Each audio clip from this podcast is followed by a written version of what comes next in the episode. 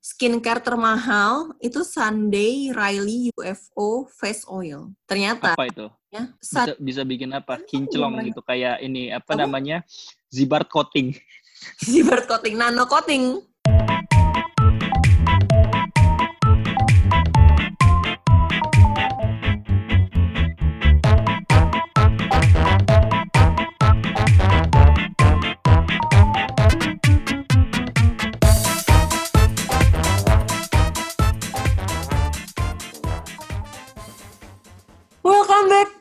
Kita balik lagi di podcast pasaran. Hai Pandu. Halo, halo, apa kabar, Sar? Baik, apa kabar, Du? Baik, baik aja. Ya, Oh. gimana ya, setelah berbulan-bulan masih kerja di rumah, ya gini-gini aja sih. Wih, padahal nih ya, Mm-mm. eh, kalau yang dengerin nih sekarang, kemarin tuh kita ketemu pada akhirnya eh, ke kantor, tapi malah tetap aja tag-nya di Zoom ya nggak sih? Kayak udah udah nyaman Iya, betul. suasana WFH ini. Sebenarnya bisa ada waktu untuk, apa namanya, bisa tag podcast kemarin, cuman ada beberapa kondisi akhirnya ya udah kayak gini lagi aja.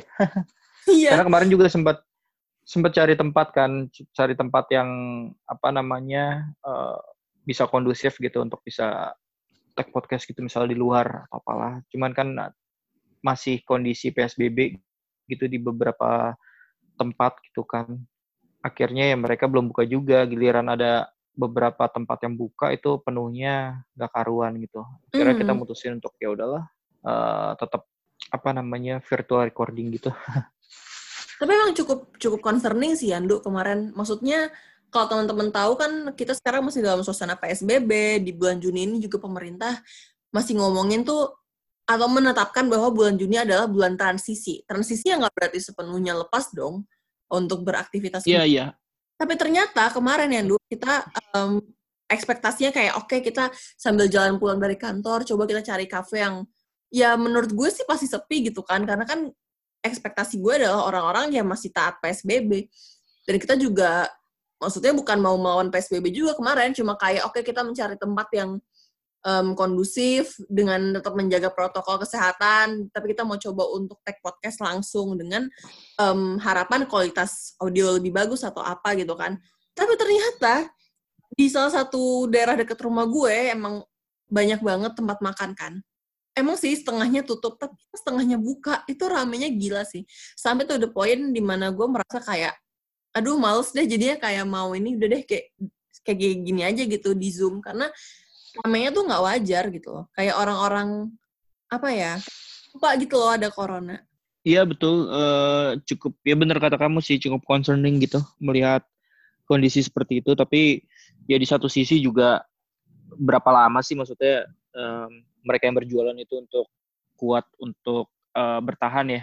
Ketika misalnya em, mengalami ketidakpastian gitu bisnis mereka juga gak jelas apa segala macam gitu. Belum kayak ada fix expense yang harus dibayar misalnya sewa Hmm. apa namanya sewa tempat gitu bayar karyawan kayak gitu-gitu sih jadi ya kondisinya seperti itu gitu cuman kalau dari dari kita berdua kayak kemarin ngeliatnya kok kok seperti itu gitu ya. tapi eh, nggak bisa disalahin juga sih ada supply ada Iya. demand juga ya udahlah gitu aja Em, terus juga kayak kemarin kita balik juga udah rame-rame aja gitu-gitu aja kan cuman yang paling kelihatan bener-bener masih bisa diatur segala macam kan ya kayak tempat-tempat untuk kayak eh, mall apa segala macam gitu ya karena ya ya mereka gede juga gitu dan dan bisa dikontrol. Tapi nggak juga sih di salah satu mall di daerah Bekasi juga ada yang buka gitu. Kemarin kan aku juga sempat em, apa namanya sempat cari tempat buat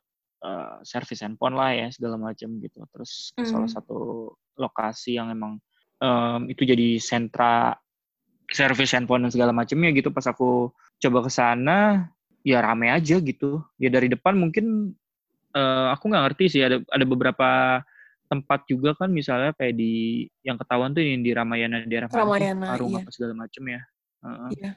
yang ternyata di dalam rame gitu gelap-gelapan ya ya banyak juga sih maksudnya em, apa namanya pelaku industri yang nggak taat gitu sama aturan tapi di satu sisi ya juga itu tadi sih aku nggak ngerti dari dari penegakan hukumnya juga kan harus harus benar. Gitu. Iya, karena kebutuhan juga sih. Maksudnya sekarang nih ya, kalau misalnya kayak aku atau teman-teman yang emang aktif di Instagram, terutama pasti tuh suka dapat ini gak sih? Kalau aku sih, karena aku suka buka tentang makanan, jadi um, sering dapat sponsor tentang makanan juga. Aku udah dapat dua iklan sponsor Instagram yang um, nyampein kalau perusahaan perusahaannya bukan perusahaan sih kayak bisnisnya itu tutup tutup gitu bahkan um, yeah, yeah. maksudnya iya maksudnya tuh kayak yang aku tahu awalnya si bisnis tersebut tuh rame rame banget gitu. Satu di uh, kategori minuman minuman boba gitu. Satu di kategori mm. uh, makanan kayak ayam-ayaman gitu nasi ayam yang kekinian lah bisa dibilang.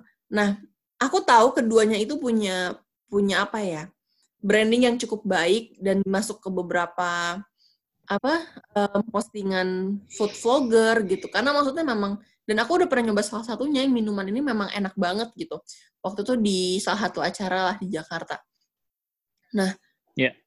kayak apa ya maksudnya kalau memang kita mau bilang aduh patuh dong gitu um, pengusaha gitu iya yang patuh ternyata walaupun udah pernah masuk udah misalnya udah punya branding yang bagus, udah dikenal sama banyak orang karena masuk misalnya food vlogger gitu-gitu. Tapi ya kalau serba salah sih, mungkin mereka yang taat-taat inilah yang justru tumbang satu persatu gitu. Tapi di satu sisi, iya, iya karena karena memang um, ada operasional cost yang emang harus dibayar kan, kayak gitu. Ya pertama kan ketika lo pengen akan cost operasional kan salah satunya ya fixed cost-nya sendiri harus lo benahin di mana kayak lo punya karyawan misalnya 50 maksudnya bisnisnya juga nggak berjalan, sedangkan juga lo pasti untuk mendukung usaha lo banyak perusahaan gitu atau pelaku bisnis kan juga mereka misalnya mengambil kayak pinjaman gitu ke bank atau segala macamnya gitu untuk mendukung uh, bisnisnya gitu dengan harapan kan kalau dalam kondisi normal uh, secara cash flow itu mendukung gitu secara operasional dan juga misalnya harus membayar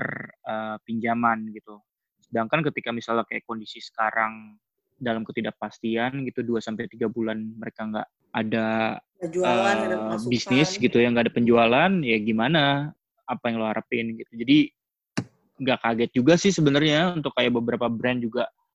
Bahkan yang kita anggap tadi yang kamu bilang secara marketing apa segala macam gitu. Dan mungkin ada beberapa juga uh, established company yang juga mereka suffer gitu kayak mereka harus pemecatan kayak Garuda Indonesia setahu aku kan dia juga pemecatan ya. atau mungkin merumahkan kan ya kayak pramugari pramugara dan juga pilotnya gitu ya jadi hmm. kondisinya seperti itu gitu ketika oh, benar-benar Air ketika dalam kondisi Iya, maksudnya ketika dalam kondisi kayak gini tuh nggak ada perusahaan yang kayak lebih bilang kayak too big to fail gitu. Hmm, iya.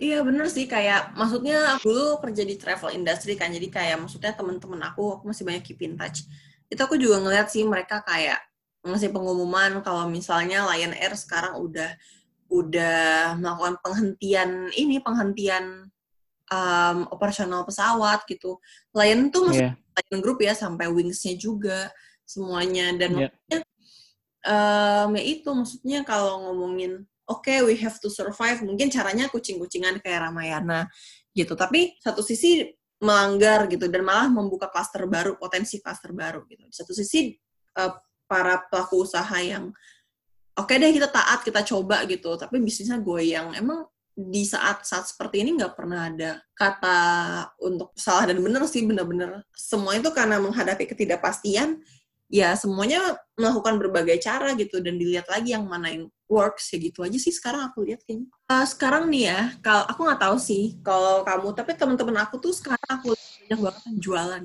Sumpah kayak bisnis baru tuh bertebaran, banyak banget orang-orang jualan.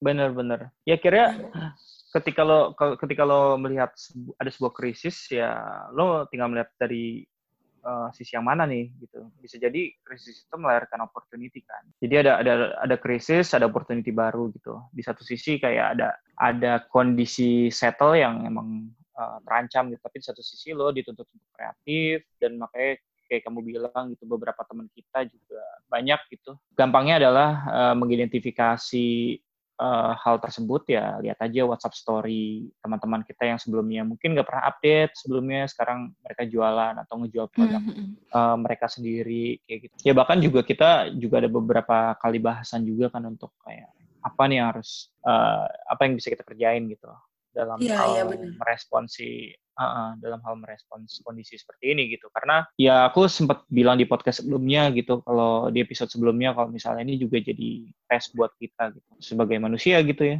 Ketika ada kondisi kayak gini apa yang harus lo lakuin gitu.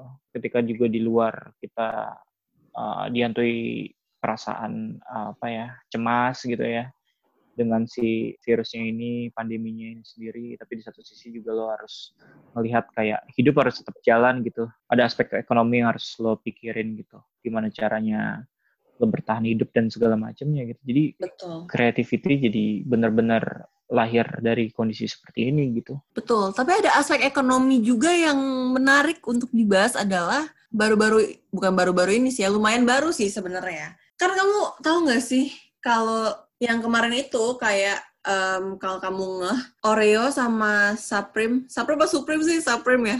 Itu kayak Supreme, Supreme. Supreme ya. Itu kayak ngeluarin Hmm. brand, ah, bukan ngeluarin brand sih, mereka kolaborasi, terus jadi Oreo Supreme.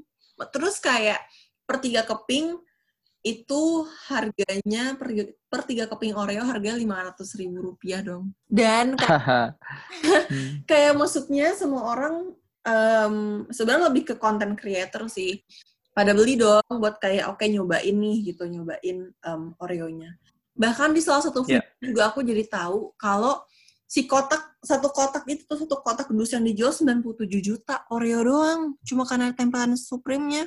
nggak tahu ya kamu kalau dari aspek marketing tuh ngeliatnya gimana ya kayak sebuah brand tuh bisa segitu gedenya terus em, kemudian di ada pasarnya ada marketnya gitu. Aku nggak ngerti sih maksudnya dari sudut pandang itu ya. Karena sebagai brand gitu dengan kondisi seperti itu ya mereka cerdas aja sih kayak gitu. Ya ya, Em, apakah tapi apakah juga misalnya- Ya maksudnya apakah produk itu baik baik atau enggak kan dari sisi utility kan belum tentu juga gitu. Tapi the way mereka bisa membuat em, itu sebagai sebuah yang spesial, kemudian ada marketnya juga, itu kan sesuatu yang keren gitu.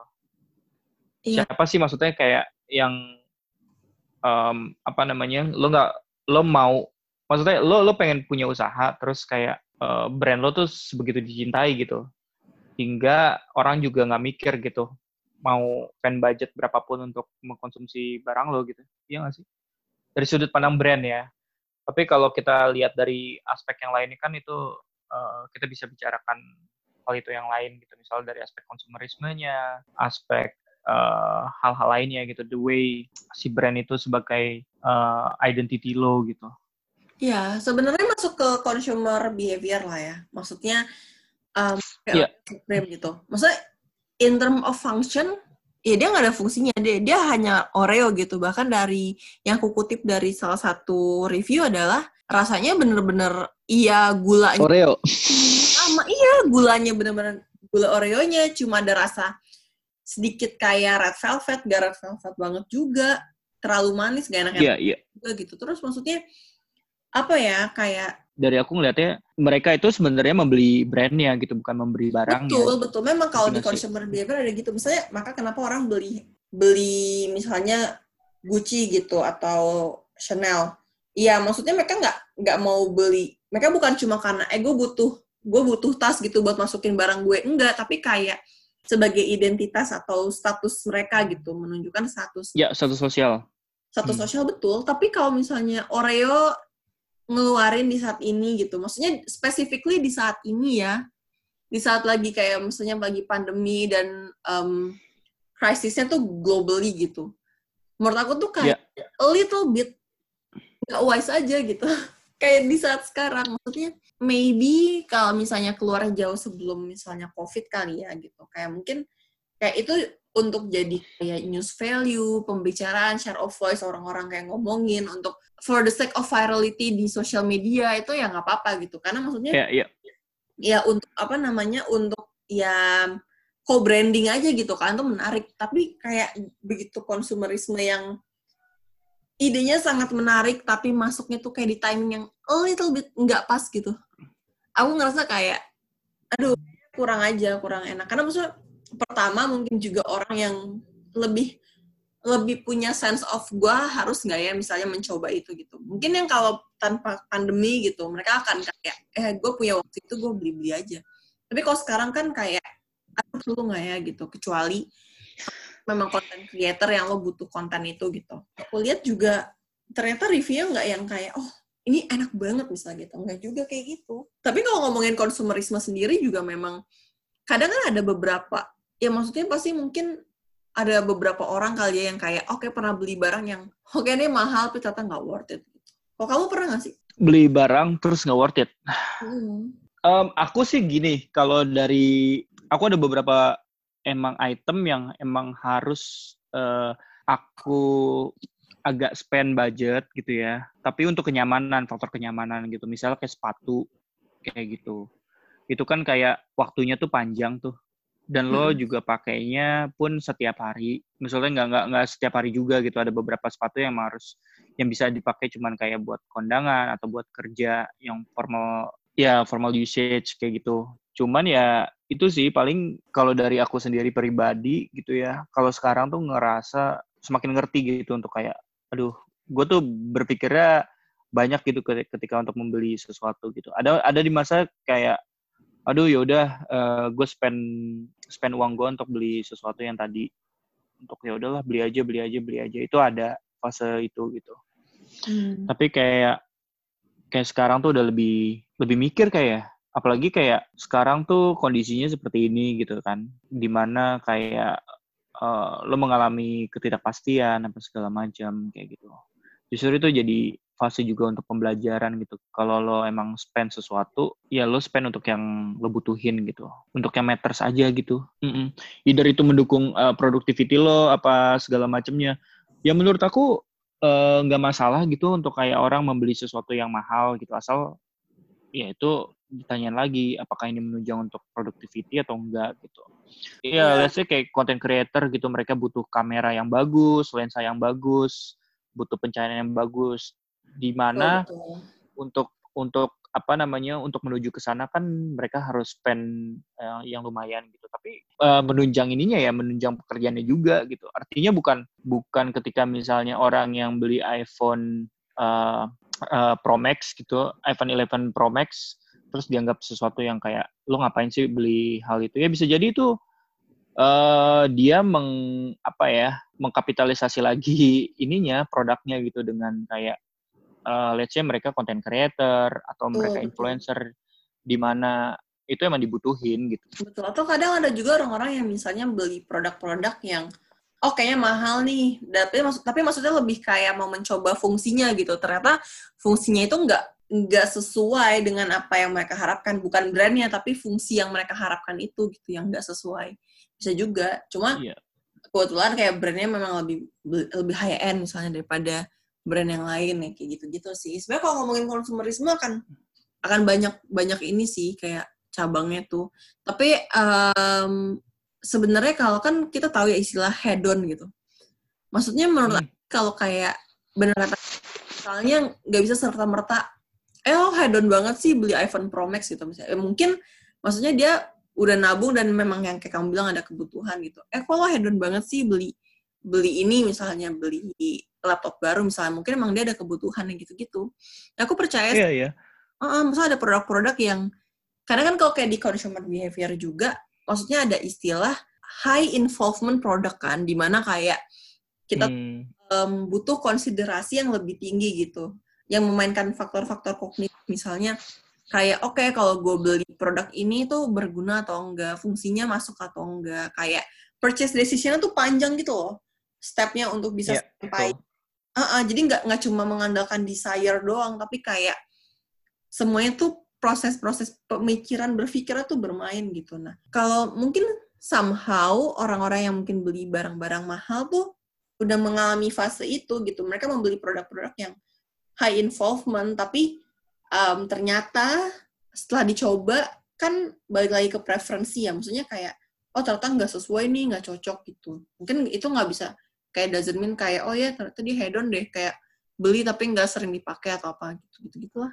Karena ada beberapa hal yang um, misalnya kayak di industri yang menuntut emang lo harus menggunakan barang-barang uh, mahal itu untuk kayak uh, biar lo dilihat kayak gitu. Mm-hmm. Uh, untuk kayak itu biar kayak ngedefine diri lo gitu. Ngerti gak sih? Ya kayak misalnya orang-orang yang uh, berhadapan juga dengan high profile uh, person gitu. Iya. Otomatis dia dituntut juga untuk setidaknya mendekati mereka kayak gitu dalam hal Hmm. berbisnis gitu misalnya. Ya jadi ada be- banyak hal yang mempengaruhi kayak gitu. Iya, karena maksudnya enggak sebenarnya kalau misalnya kayak kita misalnya bahas apa sih misalnya produk yang kayak lo beli mahal tapi kayak nggak worth it gitu itu kan pasti orang-orang yang membeli barang yang mahal dan ternyata nggak worth it itu pasti kan punya alasan kan sebelumnya untuk membeli produk itu gitu. Aku kayak ah kalau misalnya nih produk-produk yang lebih kayak sifatnya secara kategori masuknya ke primer dan sekunder ya maksudnya kayak em, baju pakaian atau misalnya skincare atau apa sih misalnya kayak kebutuhan sekarang teknologi untuk komunikasi gitu-gitu itu tuh bagi aku juga tetap masuknya nggak kan kadang orang mikir kalau kayak oke laptop handphone itu tersier gitu mahal well di beberapa kasus malah itu sebenarnya mungkin kebutuhan primer atau sekundernya mereka gitu Betul, betul. Iya, iya. Aku melihat melihat ada beberapa orang seperti itu sih. Mm-mm. Mm-mm. Jadi yang menurut kita misalnya itu jadi eh, layer kedua atau ketiga, mereka jadi layer pertama gitu. Kayak oh ini orang yang sukses, Ya. gitu. Orang jadi pengen nilai oh ini orang yang sukses, orang yang itu jadi identitas untuk mereka bisa belong in the same group sama orang-orang yang mereka desire kali ya. Wah itu itu udah fase udah fase yang lain sih itu kalau udah membicarakan seperti itu gitu loh. Kayak sekarang tuh kalau aku pribadi gitu ya kayak misalnya untuk kayak membeli baju atau misalnya kayak kaos atau segala macem. Apalagi kerja juga santai bisa kaosan segala macem. Ya udah beli beli kaos yang kayak di shopee yang cuman seratus dua puluh ribu dapat tiga kayak gitu. Yang polos-polosan. Ya udah that's it gitu. Iya, by iya. function aja gitu. Dan itu udah mulai mulai aku latih dari tahun lalu sih kayak gitu. Iya, Aku tapi kayak- yang tadi aku yang tadi aku mention adalah lebih ke misalnya fenomena kayak orang-orang kayak mereka ingin diasosiasikan misalnya hype beast fashion gitu atau streetwear fashion dengan um, merek-merek tertentu misalnya kayak Yeezy atau misalnya dengan produk-produk yang yang lebih high end lah gitu. Nah, itu itu ada komunitasnya gitu. Maksudnya kayak kalau kita lihat di YouTube yang sempat juga terkenal mungkin tahun lalu, kalau kamu tahu itu kayak orang-orang ada channel YouTube yang kayak nanya berapa harga outfit lo gitu. And then Iya. orang-orang bakalan kayak explain dari head to toe um, misalnya bisa kayak totalnya berapa puluh juta gitu, kayak gitu-gitu. Maksudnya Iya. ada pasarnya gitu untuk kayak um, consumer behavior. It's not about lo membeli sesuatu yang karena ke- karena seben- karena sebenarnya orang-orang itu juga eh, mereka berbisnis juga gitu iya, mereka beli misalnya mereka misal beli sepatu 20 juta gitu itu ada dengan tujuan kayak ada exposure atau apa mereka gabung komunitas mereka bisa jualannya lagi jualan barang yang sama misal jadi 25 juta 30 juta kayak gitu Iya, itu tuh jadi kayak ada community bisa sendiri gitu. Di mana kayak to get into the community itself, itu ada kayak barang atau hal yang lo beli itu jadi suatu quote and quote persyaratan gitu loh. Vali- Kayak, ya validasinya lah ya iya iya, maksudnya lo kayak, Hmm. oh, oh lo punya barang ini, ini mengasosiasikan lo, lo berarti um, Iya. kita sama gitu, berarti kita satu community. Gitu. betul betul betul betul itu juga maksudnya jadi hal yang menarik juga sih kayak barang nggak cuma barang brand nggak cuma brand tapi adalah kayak ba- define diri lo iya mendefine diri lo dan membuat lo kayak masuk dalam satu komunitas gitu yang dipandang dengan value tertentu yang lo inginkan kayak gitu Betul betul. Apa namanya? Kalau kalau dari aku sih sebenarnya em, selama lo bisa afford itu sih gue nggak masalah ya. Lo mau beli betul gunting kuku seharga satu miliar, 2 miliar, 3 miliar juga bodo amat. Gitu. Selama lo bisa Hmm. afford itu ya. selama bisa afford dan selama nggak melihat kalau orang yang nggak bisa afford itu beda kastanya sih gitu karena Oh iya betul. iya kan karena ada yang kayak aduh Nah, tas lo kayak mereknya apa nih nggak terkenal gitu atau misalkan ada maksudnya itu kan nggak usah ngomongin untungnya sih di kehidupan pribadi aku nggak ada tapi kan misalnya di media kalau misalnya kita lihat even kayak di film atau misalnya kayak kita baca thread Iya. misalnya ada beberapa pertemanan atau orang-orang yang ya even ditunjukin di film-film gitu bahwa kayak ternyata itu hal yang common untuk orang-orang yang itu akan menemukan society yang mendefine lo dari dari barang yang lo pakai misalnya. Tapi aku mau ngomongin dari sisi yang lebih apa ya ringan-ringan aja nih gitu. Itu em, Hmm. Aku ngeliat ada consumer behavior shifting during COVID gitu. Jadi nanti um, kalau kita memasuki atau sebenarnya sekarang sih sudah memasuki gitu kayak kelaziman yang baru ini ada Hmm. perubahan dari penggunaan produk yang kita gunakan. Kita nggak ngomongin kayak high-end dan segala macam teman-teman itu enggak, tapi kayak in term of produk nih itu ada perubahan gitu yang dari biasa kita lakuin. Sebenarnya udah kita mungkin lakukan juga gitu sehari-hari. Kayak aku tuh lihat kayak kalau dulu ya udah pada tau lah ya misalnya kalau kita makan tuh kita makan bisa langsung take away eh langsung dine in di tempat atau mungkin take away gitu. Tapi sekarang perusahaan-perusahaan makanan tuh in term of sur eh, in term of survive mereka itu berusaha untuk bikin sekarang frozen food. Kalau kamu sadar sekarang banyak banget restoran yang bikin makanan tuh berbentuk frozen gitu. Frozen food adalah salah satu um, perubahan juga sih gitu yang di mana sekarang akan jadi lazim gitu untuk um, perusahaan food and beverage ngelakuinnya. Atau minuman-minuman minuman-minuman yang biasanya dijual retail cuma, cuma kayak satu gelas kayak gitu itu sekarang dijual tuh lebih kayak partai besar gitu. Misalnya satu liter atau yang besar bahkan kayak langsung jual mungkin bubuk kopinya segala macam gitu sih. Ya itu sebenarnya sebagai respons mereka terhadap ini sih, terhadap si krisis itu sendiri kan. iya Gitu mereka harus pivot gitu, bisnis harus jalan, ada sesuatu yang harus dibayar gitu. Mereka harus apa nih kayak gitu yang aku bilang tadi gitu. Mungkin banyak hal juga yang sebelumnya nggak kepikiran gitu. Let's say kalau Hmm. bicara tentang kita udah sempat sering menyinggung industri eh, travel industry lah gitu, termasuk kayak hotel apa segala macamnya gitu. Ya Hmm. hotel dalam kondisi kayak gini kan mereka cukup suffer gitu ya. Terus mereka kemudian gimana nih untuk tetap bertahan gitu ya? Untuk bisa tetap bertahan ya ada beberapa hotel yang apa namanya pivoting bisnisnya untuk sebagai tempat karantina misalnya Mm-mm. atau memberikan package langsung eh, paket menginap misalnya satu bulan gitu dengan harga sekian gitu. Jadi Iya. di satu sisi itu tadi sesuatu yang emang gak kepikiran sebelumnya akhirnya dijalanin gitu karena Iya, desakan jadi, jadi desakan memancing kondisi kreativitas juga ini. ya iya iya betul Mm-mm. Oke. Dan ini kan ke- kemarin aku sempat ngelempar pertanyaan di Instagram, Du. Kayak apa sih sebenarnya produk yang menurut mereka tuh kayak, oh, eh, sebenarnya tuh mahal, tapi kayak pas mereka beli ternyata nggak worth it gitu. Nah, aku udah coba Mm-mm. merecap nih jawaban-jawaban terbaik dari teman-teman kita Cel. Itu kayak aku sebutin aja kali ya satu-satu, Du. Gimana? boleh boleh Oke, jadi pertanyaannya itu kemarin kan, apa barang termahal yang pernah lo beli dan ternyata nggak sesuai ekspektasi, gitu kan? Pertama nih ada temen aku, eh, dia nyebutin sepatu Kenzo Espadrilles. Aku nggak tahu kalau misalnya salah eh, penyebutannya, sorry karena aku nggak familiar. Sepatu Kenzo Espadrilles, Kenzo Espradiles Trapata Ardiles Archiles, karena ternyata harganya mahal tapi nggak durable, gitu. Hmm. oh ini aku lagi lagi ngeliat gitu Ya, kamu lagi lihat ya? Kenzo Espradiles Enzo Espad- Espadrilles. Terus yang kedua, temen pasti ini dari Meksiko nih dari Meksiko kayaknya iya, aku nggak tahu tuh. nggak tahu sih aku Ih, Sot, aku kira kamu mah udah nge-googling. Sote lo, gue kira udah googling. Elah. Kan dari Gua main namanya iya, Espradiles. gua main. Iya, iya aja lagi gara-gara ada les. Iya. Kira Meksiko. Es- Espradiles ya kan kayak Spanyol kali. nama-nama Spanyol gitu gitu. Ya, Spanyol bener-bener. Mm-mm. Temenku yang lain ada yang nyebutin Tory Burch. Ya. Jadi harga tasnya dia beli tuh sekitar 5 juta, tapi ternyata nggak worth. Ya. Terus yang ketiga, temenku ada yang nyebutin juga skincare termahal itu Sunday Riley UFO Face Oil. Ternyata Apa itu? ya, Bisa bisa bikin apa? Kan Kinclong gitu kayak ini apa Apa? namanya? Zibart coating. Zibert coating, nano coating. Kalau ada nah kayak nano coating nano apa coating kayak gimana Iya. Mungkin teman-teman yang mau nano coating bisa mampir ke kantor Zibart ya kan. Nah. Carmu ke founder.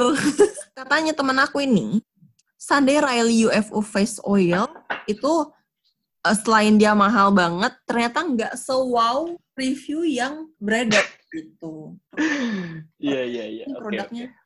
gitu, ternyata nggak se-wow review-reviewnya nih. Next, teman Mm. yang lain, dia ada bilang, eh dia bilang jawabannya adalah foundation. Ternyata Hmm. yes. Aku kan anak Oxides apa sih? banget ya, jadi kayak aku nggak agak nggak ngerti gitu teman-temanku tercinta maaf ya. Kayak oke, Oxides tuh apa sih? aku aku aja nggak tahu, tapi nanti aku akan find out abis ini. Ketahuan gak riset, Oh. mau podcast gak riset. Terus terakhir Hmm. eh temen aku bilang, teman kita sini sebenarnya Duk, bilang sampo kerastase, katanya nggak ngaruh. Apa itu? Tapi aku setahu aku sih kerastase ada yang namanya eh Bengo Match kalau nggak salah. Itu aku juga mau nyari nggak ada produknya. Itu tuh bagus buat ngilangin dandruff atau ketombe. Oh, Gue nyaranin Oke, kalau oke, misalnya apa teman kita ini denger, coba deh pakai Selsun. Selsun bagus juga kok. Kayak hmm. aku cuma emang baunya parah sih dan kayak kalau bisa Cih, jadi promosi. Kalau bisa kalau yang cewek-cewek pakai selsan, antingnya dilepas dulu karena dia punya potensi buat merubah warna anting emas lo. Wih, gokil. Gitu. Itu deh jawaban beberapa jawaban dari teman-teman kita yang udah ikut partisipasi menjawab. Thank you so much. Itu sih kalau aku sih karena aku biasanya ya belanja tuh cuma by function gitu. Aku tipe orang yang kalau aku ngerasa kayak aku lagi butuh baru belanja. Kalau ngerasa misalnya merek yang katakanlah orang rasa itu mereknya nggak terlalu apa gitu, nggak terlalu wow, tapi ternyata cocok di aku, ya aku suka-suka aja. Aku cenderung gitu sih. Tapi emang balik lagi, menurut aku preferensi orang beda-beda. Jadi kayak, it's nice untuk mencoba hal baru, it's nice untuk punya pengalaman bahwa, oh ternyata barang yang kita beli, walaupun mahal, ternyata nggak cocok.